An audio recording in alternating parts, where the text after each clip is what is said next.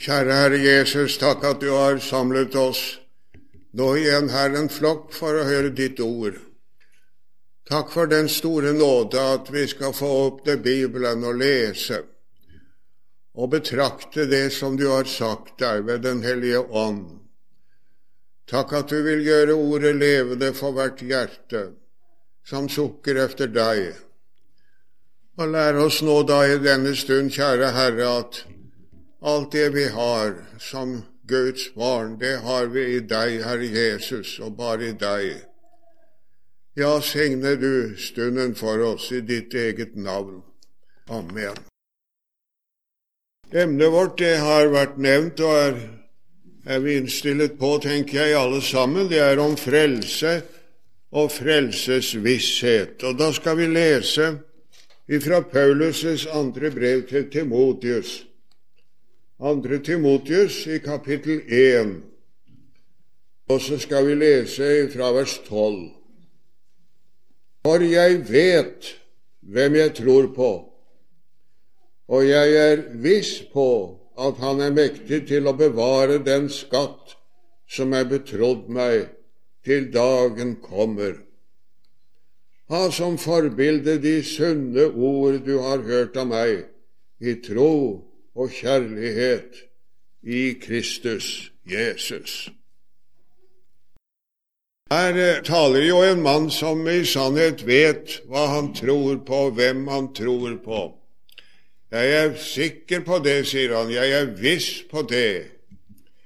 Her er det ikke en eh, som fekter ut i løse luften, eller en som er en søker bare efter sannheten. Men her er en som bekjenner helt sikkert at jeg tror, og jeg vet at jeg er viss. Det er en kjensgjerning at eh, da den kristne menighet sto frem efter pinsedag, og i løpet av forbausende kort tid bredte seg utover hele Romerriket og lengre ut, så var det ikke minst denne vissheten som gjorde inntrykk på folk. For den hadde de ikke. De hadde nok sine guder. Romerne hadde sine, og andre folk hadde sine. Og eh, de hadde også sine tanker om livet, naturligvis, og også om livet efter døden, men det var tåkete, det var, det var ikke visst, det var ikke sikkert. Og så kommer det noen som sier 'jeg vet'. Ja, Jeg visst. Jeg kjenner Han som jeg tror på. Og jeg har en klar tanke i mitt hjerte om grunnen som jeg står på. Og jeg vet at når jeg skal forlate dette liv, så går jeg hjem til evig salighet hos Gud. Det syntes jo folk var ja, det syntes jo hedningene på alle hold var en, en forunderlig tale. Og det var mange som irriterte seg over det, naturligvis, og sa de er noen hovmodige mennesker, noen galninger. Men det var også dem som ble grepet av det. Og det er liten tvil om at denne visshet, den var en, et middel til å kalle mennesker inn til samfunn med Gud. Jeg tror nok at eh, vi kunne ønske oss eh, det samme nå i våre dager. At vi hadde en kristen slekt som var i denne forstand viss. Jeg vet hvem jeg tror på. Det er ikke noe, noe løse spørsmål hist og her ute i luften. Men jeg vet hva jeg tror på, og jeg vet hvem jeg tror på, og jeg vet at jeg skal hjem til Gud når dette liv er slutt. Og Det var slike ting som vi da skulle betrakte her i denne kveldsstund. Og da skal vi aller først minne hverandre om her det hva frelse egentlig er for noe. Og jeg sier jeg er viss på at jeg er frelst. Hva mener jeg da? Og hva er egentlig frelse for noe? Det det skal vi lese et ord om, og det finner vi, i, finner vi i Lukas evangelium i det første kapitlet. og det er vers 77. Og der er det tale om eh, ja, det er tale om han som ble kalt Johannes døperen. Det står tale om hva han skulle gjøre, og så står det han skal lære sitt folk frelse å kjenne ved at deres synder blir tilgitt. Frelse, kjære venner, det er å bli tilgitt sine synder. Når jeg sier jeg er frelst, så betyr det fremfor alle ting Tenk, Gud har tilgitt meg alle mine synder, og jeg får lov til å tro at jeg er Hans barn for Jesus skyld. Den som har sine synder tilgitt, han er frelst. Den som ikke har sine synder tilgitt hos Gud, han er fortapt. Og fortapt, det betyr på vei ut i evig mørke og gråt og forferdelig borte fra Gud i evighet. Spørsmålet er hvor står jeg i forhold til Gud? Har jeg fått mine synders forlatelse, eller har jeg ikke? Og det, det, det vil med andre ord også si at det å bli frelst, det er ikke i og for seg en mektig opplevelse i følelsesmessig forstand. Jeg er stygt redd for at det er mange som tror det. Jeg ble frelst, ja, det vil si, jeg, jeg opplevde en lykkefølelse. Gud talte til meg, jeg tenkte slik, og jeg følte sånn. Og jeg, jeg, jeg, ja, og jeg har gjort en sånn en underlig sjelelig opplevelse. Jeg er blitt, jeg er blitt frelst. Ja, ja, det følger jo gjerne med noe sånt når en blir frelst. Det er ikke nødvendigvis, ikke med en gang kanskje, men det er jo så. Jeg, jeg, jeg er glad fordi at jeg er frelst, og jeg kan vitne om at da Han vant mitt arme hjerte, grep jeg livets lykkekrans. Sånn synger vi, og det er sant. Men å bli frelst vil ikke i og for seg si å få en lykkeopplevelse. Å nei, du, det er nok ofte sånn at det varer en stund før en, før en kjenner noe til det. Å ja, det jeg, jeg tenker på folk som jeg har fått lov til å be med. Tanken går tilbake til den første tiden som jeg var i virksomhet. Jeg var prest i Vaterland i Oslo, og det var mange slags folk der. Uteliggere og mye rart. Og vi hadde den forunderlige frøken Anna Jensens merkelige arbeid blant sånne uteliggere og sånt noe. Og jeg husker det, jeg kom til å tenke på det her, just en, en mann som, som ba om forbønn. Og ja da, vi vi, vi, gikk inn i kirken ved siden av menighetssalen der. Det var Anna Jensen, og så var det denne armingen, og så var det jeg. Og hun talte til ham om Jesus som troens grunn, og om forsoningen og syndenes forlatelse. Ja, men jeg er den største synder i verden, sa han. Han gråt så at vi knelte ved benken der. Benken var ganske våt, for han gråt så fælt. Jeg er den største synder i verden, sa han. Å nei, sa Anna Jensen, det er ikke, sa Den plassen er opptatt, for det var apostelen Paulus. Kom nå, sa hun, så skal vi snakke med Jesus om den tingen der. Ja, han kjente visst ikke noen, noen lykkefølelse. Han, han, han, ikke, han, tørket tårene, han snufset. Men han hadde kommet til tro på Jesus.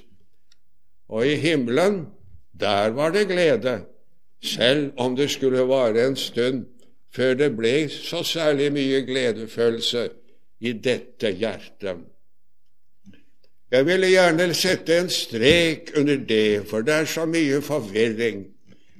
For eh, det er noen som åpenbart tror det, at å bli frelst, det er en sånn en forunderlig sterk opplevelse. Det er selve frelsen.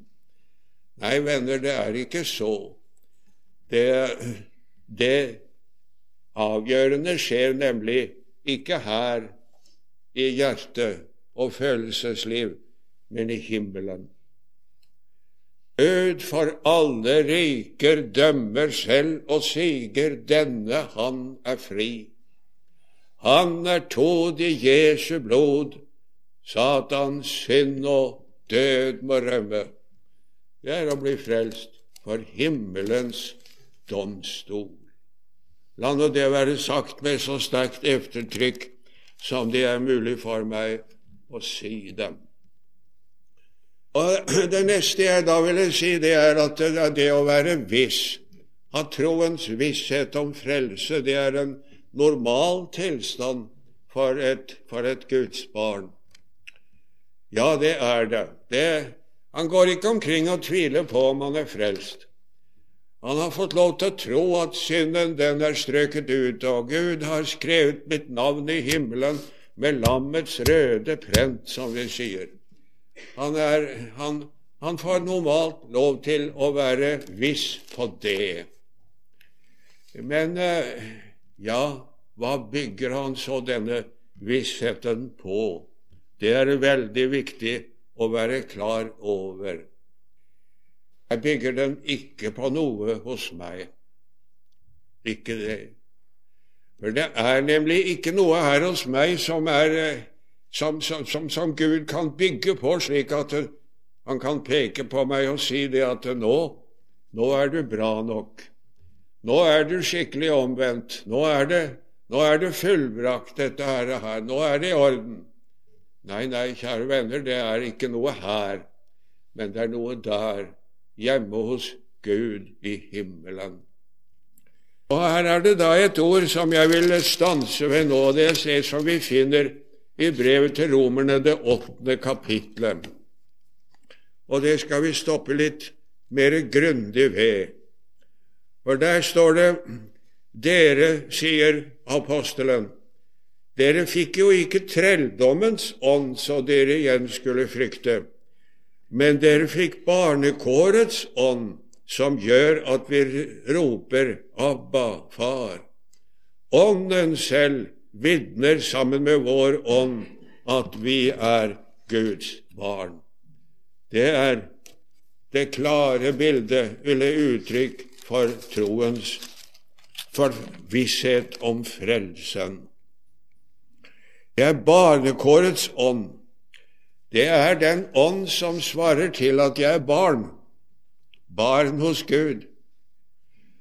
En ånd som svarer til at jeg er barn hos Gud. Det motsatte, det er trelldommens ånd som står her. Trelldommens ånd.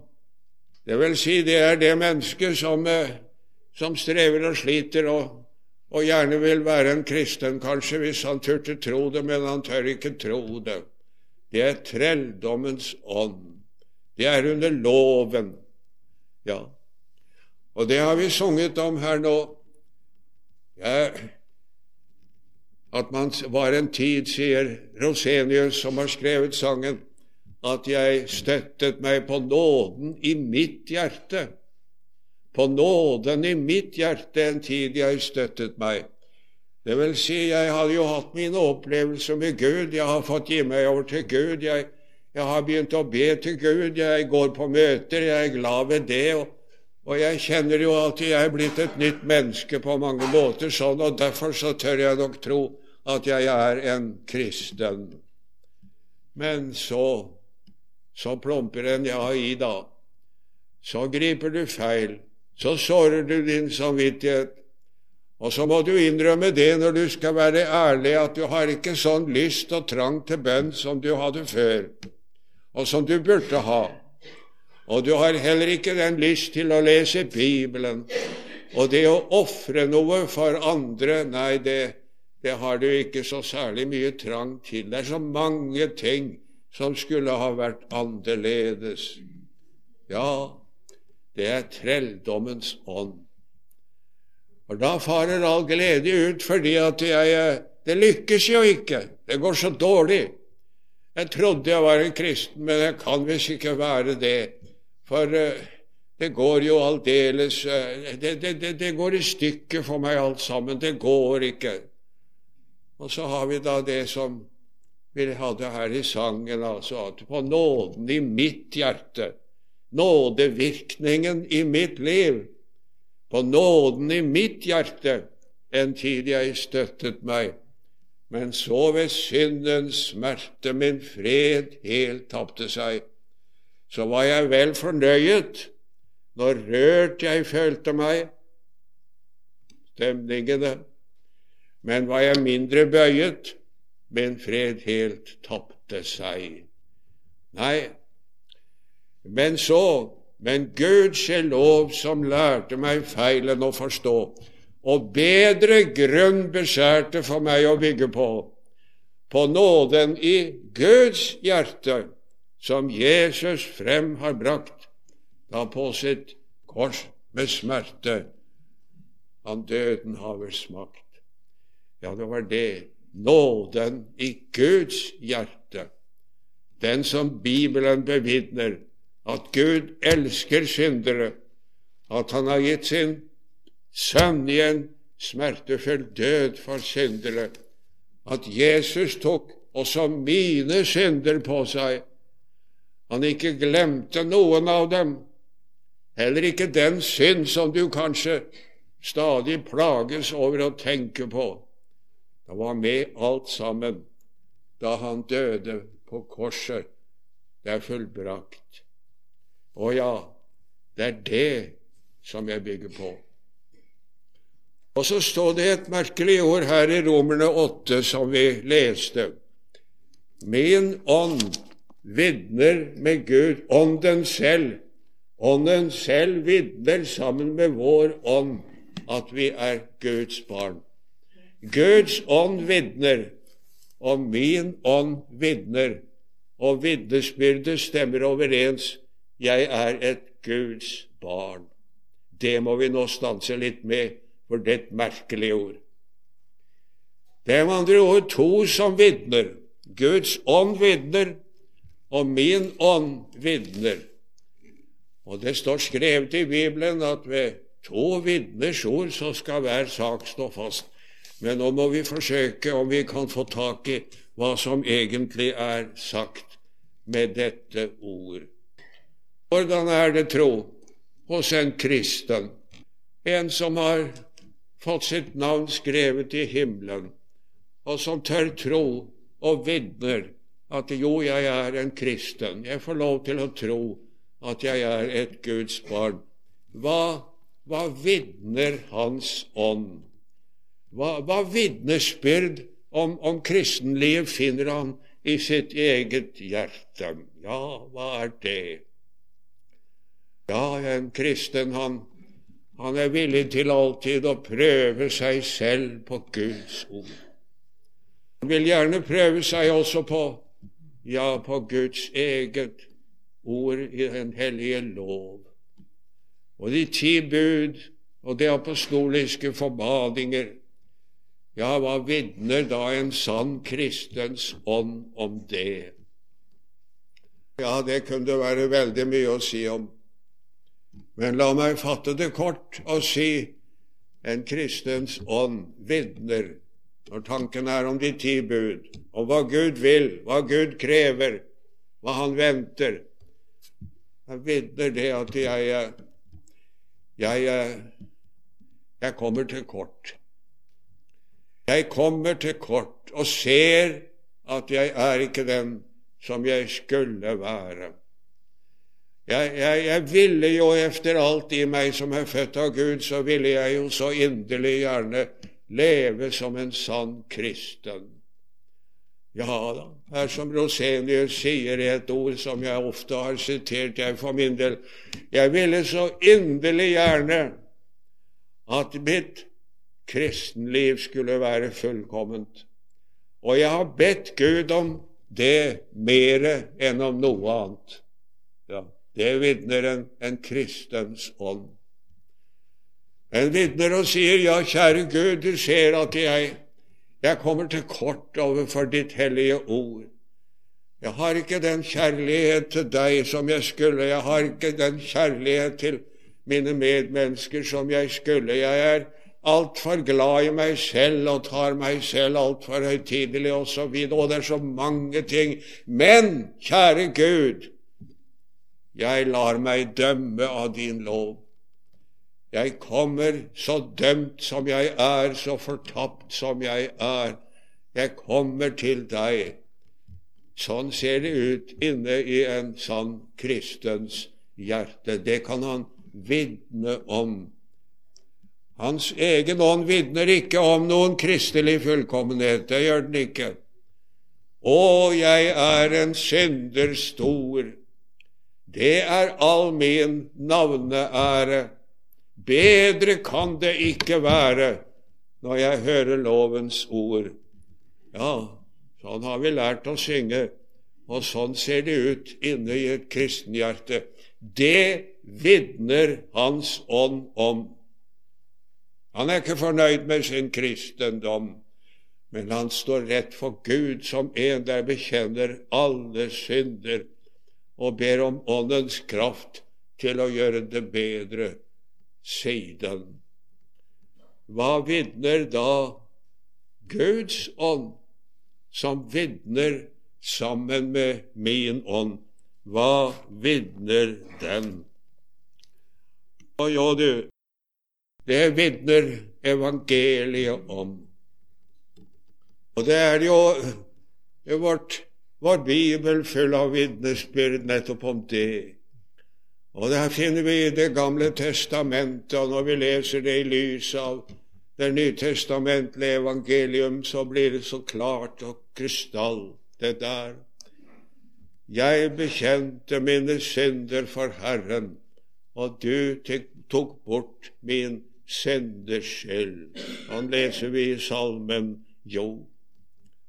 Og så vitner Guds ånd med de ord som vi har i Bibelen her, og så sier den f.eks. sånn som Jesus selv har sagt så vidunderlig klart, at den som tror på meg, har evig liv, sier Jesus. Jeg har allerede nevnt det ordet her under disse møtene. Jeg må få ta det frem igjen. Det er, det, det, det er mitt ord. Det er mitt ord. Og ja, det er så fint å ha det i hjertet, og så, og så minnes det og tenke på det og grunne på det. Den som tror på meg, har evig liv, sier Jesus. Og han kommer ikke til dom, men er gått over fra døden til livet. Som jeg sa her ved en tidligere møte under denne, denne helgen, at når jeg skal frem for Gud, ja, da møter mine gamle synder ikke opp. De gjør ikke det. Jeg skal ikke møte dem der. Tenk å kunne stå og si slikt. Det sier jeg på grunnlag av det som Bibelen bevitner så sterkt. Og sier Jesus, den som tror på meg, har evig liv. Han er gått over fra døden til livet. Han kommer ikke til dom, men er gått over fra døden til livet. Ja, ja du, det er, det er, jo så stort, vet du. Det er jo, vi, vi kan jo ikke finne ord sterke nok for hvor veldig dette er. Tenk å få lov å ha det slik. Det, det er det som er selve evangeliet, som sier den ja, vi kan jo ta Jesus' ord igjen. Den som kommer til meg, støter jeg ikke ut. Kan du tenke sant? Den som kommer til meg, støter jeg ikke ut. Og hva for slags folk som kom til Jesus? Det var fattige syndere. Det var sånne som hadde gått fallitt på seg selv. Det var ikke det, det var fattige og usle mennesker sosialt sett, men det var også velstående folk i samfunnet sosialt sett, og de hadde det til felles.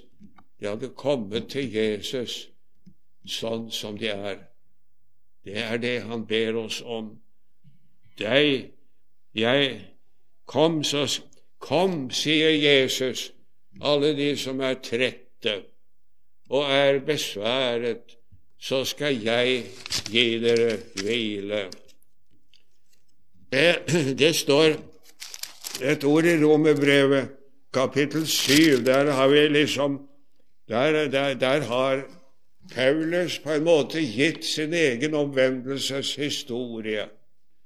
Der sier han i kapittel 7, og uh, uh, der står det i, uh, i vers, vers 7, kapittel 7 og vers 7 Jeg kjente ikke synden uten ved loven. For begjæret hadde jeg ikke kjent dersom ikke loven hadde sagt du skal ikke begjære. Men synden benyttet seg av budet og vakte alle slags begjær i meg. Jeg levde en gang uten lov, men da budet kom, våknet synden til live. Jeg derimot døde. Og det viste seg at budet, som skulle være til liv, det skulle være til liv, det ble til død for meg. Og ja, det, det, er, det er hva en kristen har opplevd. Jeg møtte Jesus, og så, så ble alt annet så lite. Og så kom Guds ord, kom Hans hellige lov i min samvittighet. Og så ble jeg ribbet og naken og hadde ingen verdens ting som jeg kunne vise for meg. Jeg hadde ikke det. Og eh, jeg døde, står det her. Jeg døde. Det gikk, det gikk den veien med meg. Jeg gikk til grunne. Det var ikke noe mer her. Å, jeg er en synder stor. Det er all min navneære. Bedre kan det ikke være når jeg hører lovens ord. Men så står det videre hos Brorson, men for du er Jesus bleven, og min jammer på deg tok. Derfor står mitt navn innskrevet deilig nu i livets bok. Og tenk, så får jeg lov til å ha visshet om at jeg er et Guds barn. Og Vi hørte hva apostelen sa om det. Vi leste det fra brev til Timotius, der hvor det sto nettopp dette. Jeg vet hvem jeg tror på. Legg merke til det. Jeg vet hvem jeg tror på. Troen, den, den bygger ikke på noe her. Den bygger ikke på det at jeg er omvendt, eventuelt, at jeg kan si da og da blir jeg omvendt. Kanskje du kan si datoen da du ble omvendt. Kanskje du har merkelige opplevelser i forbindelse med det. Det er ikke i og for seg nødvendig, noe av det. Men kanskje du endog har det. Du tror ikke på det. Ja, det må du i hvert fall ikke gjøre, kjære venn. Ikke tro på det. Nei, jeg vet hvem jeg tror på. Vissheten er en visshet om at jeg har funnet Jesus. Så enkelt kan det sies. Jeg vil si det igjen. Vissheten er en visshet om at jeg har funnet Jesus. Jeg har møtt ham. Han kom til meg, og jeg fikk lov til å tro at han er min frelser. Frelsesvisshet, det er trosvisshet. Det er tro på ham, på ham, på ham. Og det det, det, det, er, det, er, noe som jeg får lov til å holde fast på, fordi Ånden vitner om dette. Det er det Ånden vitner om. Min ånd vitner om at jeg er en fortapt synder. Jeg ville så gjerne, men det går bare ikke. Og så vitner Hans ånd om Jesus, som er synderes venn. Ja, det er det. Og du og du, så stort som det er, så stort som det er. Og dette evangelium, det lyder her i denne flokken i denne kveldsstund. Kom som du er. Om du ikke har gjort det før, så kom nå. Kom med all elendigheten, kom med alt det som det er fælt å tenke på. Kom med alt det gale du har gjort. Kom med all din svikt, all din skam. Kom med det. Kom, kom til Jesus. Den som tror på meg, har evig liv og kommer ikke til dom, for han går over fra døden til livet. Så sier Jesus, vår frelser. Og dette vil si at vissheten om å være frelst og troen på at jeg er frelst, det er en tro på ordet. Det er en tro på, på det som står her. Ikke en tro på noe som jeg syns jeg har opplevd så sikkert at det tror jeg på. Nei, det, det kan bli borte, det. Men, eh, men dette kan ikke bli borte. Det står fremdeles her i boken. Her står det. Og det er det som jeg tror på. Det er Ham som jeg tror på. Derfor så er det grunn til å gjøre ferdig det Rosenius-sitatet som jeg begynte på, men jeg brøt av midt i det, med vilje overlegg. Jeg ville så inderlig gjerne, sier han, at min kristendom, mitt kristenliv, skulle være fullkomment. Jeg ville så inderlig gjerne det. Det, det, det, det ville jeg jo kunne si. Og jeg har bedt Gud mer om det enn om noe annet. Men gjelder det min salighet, da sier jeg så, jeg vil ikke ha noen annen rettferdighet enn Jesu Kristi rettferdighet. Holder ikke mitt kristenliv prøven, så holder min Herre Kristus. Det er frelsens visshet. Jeg ville så inderlig gjerne at jeg var en, en god kristen. Og det har jeg bedt om, og det har jeg strevet med med skrøpelighet. Den som er det typiske for meg med skrøpelighet. Og ja, det vitner min ånd om. Jeg tør si det. Men uh, er det saligheten om å gjøre? Er det spørsmål om å få komme hjem til Gud? Gjelder det min salighet? Nei, da sier jeg noe annet. Da snakker jeg ikke om hva jeg gjerne vil, hva jeg har bedt om, hvor langt jeg har kommet, eller hvor kort jeg har kommet, og, og hele kristenlivet og hele greiene inni her. Alt dette her, her. Det snakker jeg ikke om da. Nei, da snakker jeg bare om Jesus. Og det er dette som er frelsens visshet.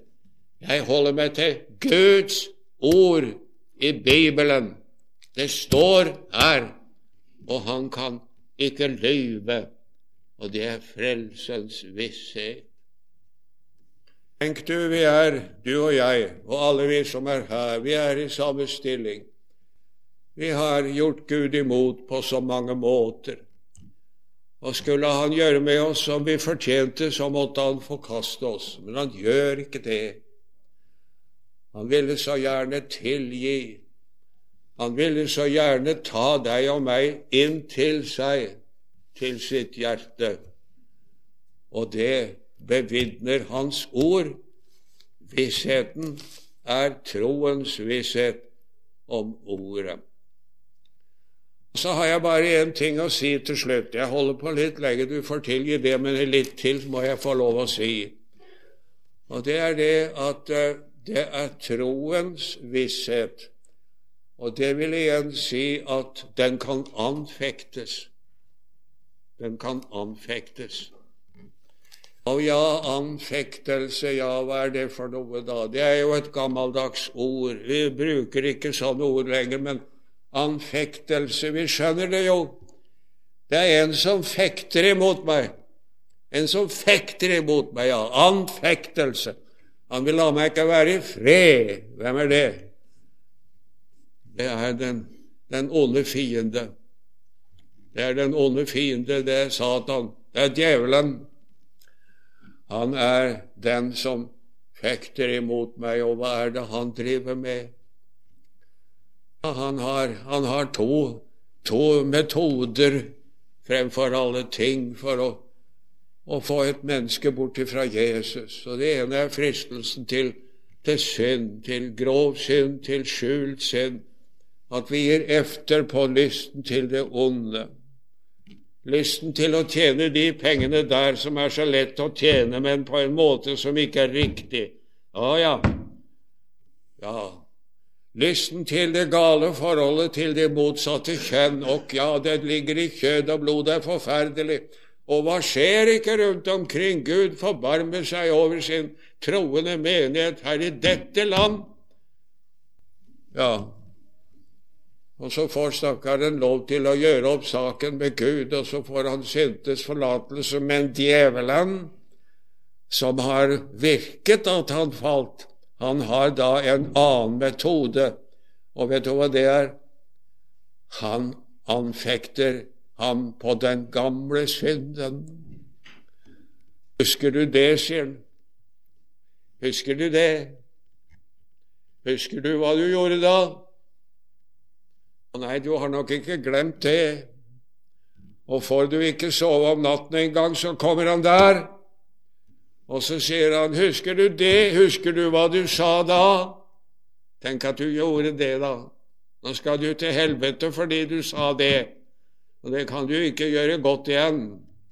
Husker du hva du gjorde der, sier Satan. Og det er uopprettelig. Tror du at de vil ha sånt skrap i himmelen, han. Det kan han også plage en gammel kristen med. Det er anfektelsen.